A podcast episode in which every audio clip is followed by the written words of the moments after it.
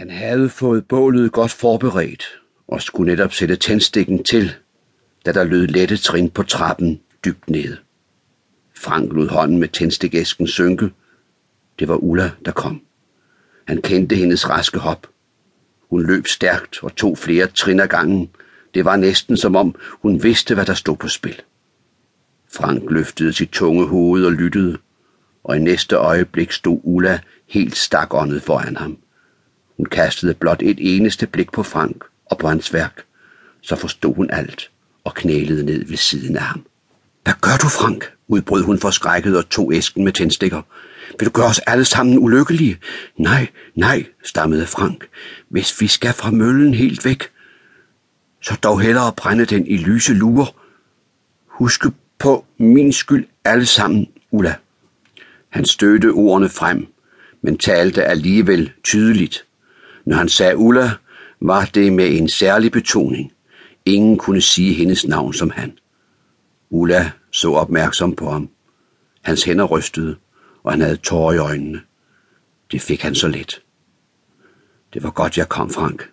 Ellers var det blevet meget værre, sagde hun beroligende, som man taler til et barn. Rejs dig nu op, og lad os få alt dette bort i en fart.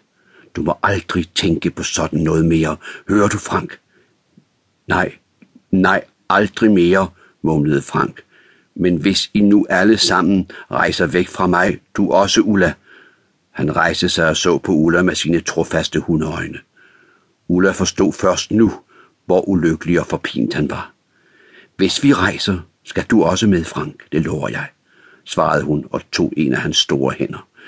Er det helt og rigtigt sandt, Ulla? Frank lagde også den anden hånd over Ullas, så den blev helt gemt.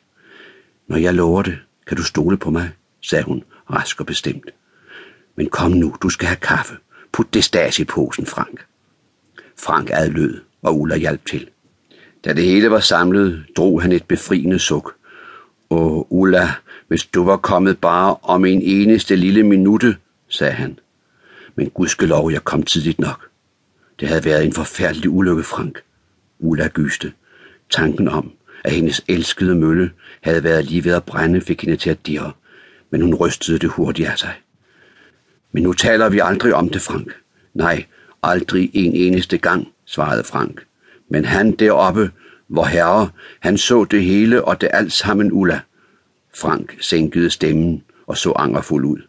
Han stod i et underligt barnligt forhold til vor herre. Han talte aldrig om vor herre til andre end Ulla. Hun var hans skriftefar. Vor herre vil tilgive dig denne gang, men du må aldrig gøre sådan noget. Men kom nu med. Ulla gik foran ned ad trapperne, og Frank fulgte efter med den skæbne svangerpose. Hun kom foran, men blev stående på det nederste loft for at vente. Ulla var spinkel og let med hurtige, yndefulde bevægelser. Hendes hår bruste rigt, som Hannes havde gjort en gang. Det var blot lysere med et skær af guld. Hun lignede sin mor meget, men de faste grå øjne og den kraftige hage var en arv fra Jakob. Hun tænkte på det løfte, hun havde givet Frank, men hun fortrød det ikke, og det skulle føres igen. Hvis de rejste, som det så ud til, de måtte, var det rigtigt at beholde Frank. Han var så flittig og god, men han kunne ikke helt styre sig selv. Hun var den, der havde størst magt over ham, og vist også den, der holdt mest af ham. Hun måtte passe på ham og våge over ham. I dag kommer mor og far Frank, sagde hun opmuntrende, da Frank kom nær nok. Er det ikke godt? Jo, så helt og meget godt, svarede Frank. Hvornår får vi dem til at komme her til møllen, Ulla? Det er da helt og bestemt, at de kommer. Det kan du stole på, nikkede Ulla og gik ud i gården. Hun var pludselig blevet urolig. Kunne hun være helt sikker på, at hendes far kom med hjem?